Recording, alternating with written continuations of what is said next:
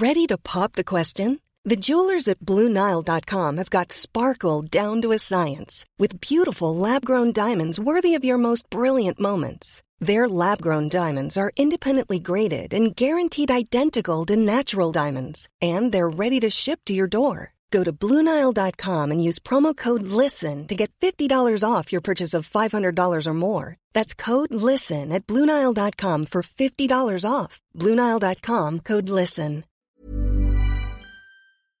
Velkommen til aksjepraten her i Finansavisen. Med meg har jeg vår egen aksjekommentator her i Finansavisen også, Karl Johan Målnes. Og Karl Johan, i dag er Nell-aksjen, eh, som veldig mange er opptatt av, opp 4,5 eh, Meldingen har kommet. Håkon Vårdal, som ble annonsert som ny konsernsjef 5.1, har nå hatt sin første dag eh, på jobb, og dette skriver du om. Det kommer i avisen i morgen. Dette er jo svært eh, positivt for uh, Nell. og Det er en ny etappe i selskapets liv. Man sier jo det at uh, det ville ikke vært noen Nell uten Øystein Spetalen. Uh, men det ville heller ikke vært så sterk vekst uten Jon André Løkke, som har vært sjef nå.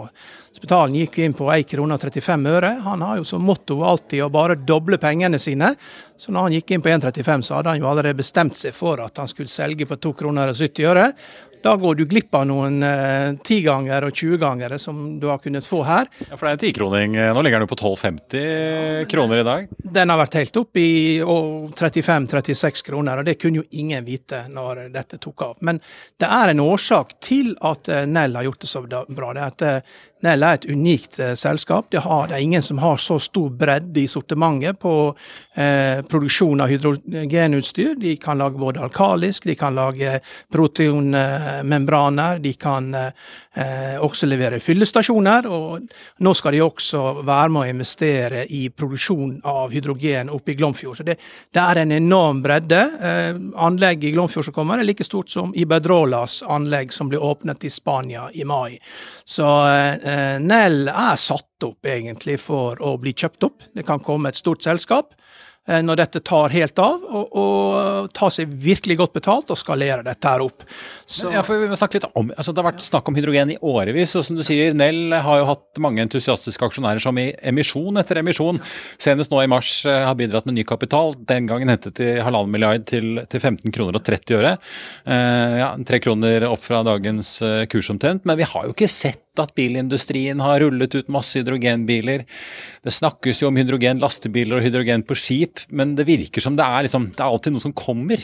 Nei, det, det, det, kan du si at det har vært skuffende eh, på bilsiden. Men til gjengjeld så skjer det mer på matvaresiden, matvareindustrien, og på tungindustri, som med, med stålproduksjon. Da. Men investorene har jo fått verdens ledende selskap for produksjon av hydrogenutstyr, og den har vel fortsatt 4 milliarder kroner på bok, så det er et veldig solid selskap. Men det er klart, nå er vi i et bjørnemarked for aksjer.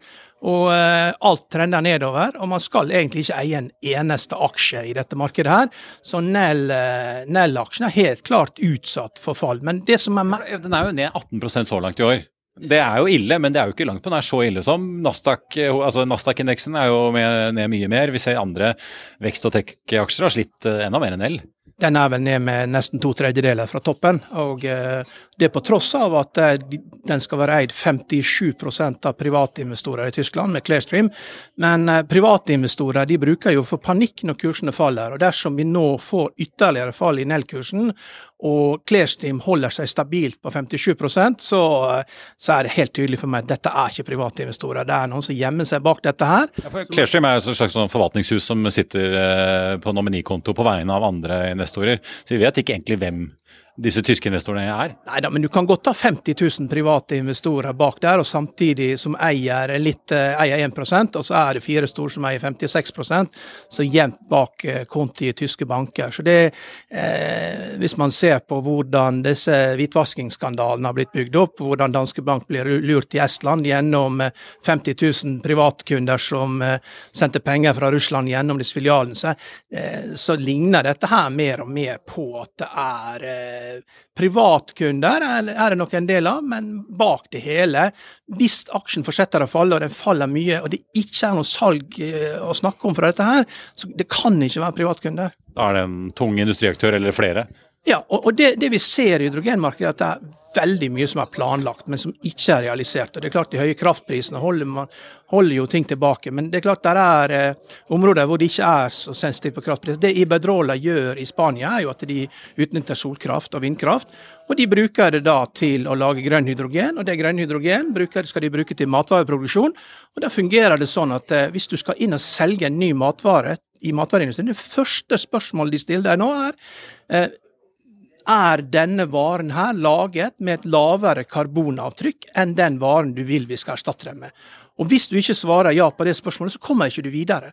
Så Det blir en konkurransefordel å lage matvarer med lav, lavest mulig karbonavtrykk for å vinne plass i butikkhyllene. Det er klart det er ikke noe fokus på det akkurat nå, men det vil bli økt fokus på det når vi blir ferdig med Ukraina-krisen og ting normaliserer seg. Kort til slutt, eh, Det siste regnskapet viser jo en omsetning i Q1 på litt over 200 millioner et negativt driftsresultat på litt over 150. Dette selskapet tjener jo ikke penger. Bør det være en bekymring? Eh, ikke per nå, eh, fordi at eh, så, sånn som det ser ut, da, så vil denne industrien vokse eh, mye, veldig sterkt. Og, og, jeg tipper det kommer til å ende i hendene på noen store industriselskaper som vet å ta seg betalt. Og den eh, dagen det eventuelt skjer, så får du selvfølgelig lese om det på FI nå. Økonominyhetene er en podkast fra Finansavisen. Programledere er Marius Lorentzen, Stein Ove Haugen og Benedikte Storm Bamvik. Produsenter er Lars Brenden Skram og Bashar Johar. Og ansvarlig redaktør er Trygve Hegnar.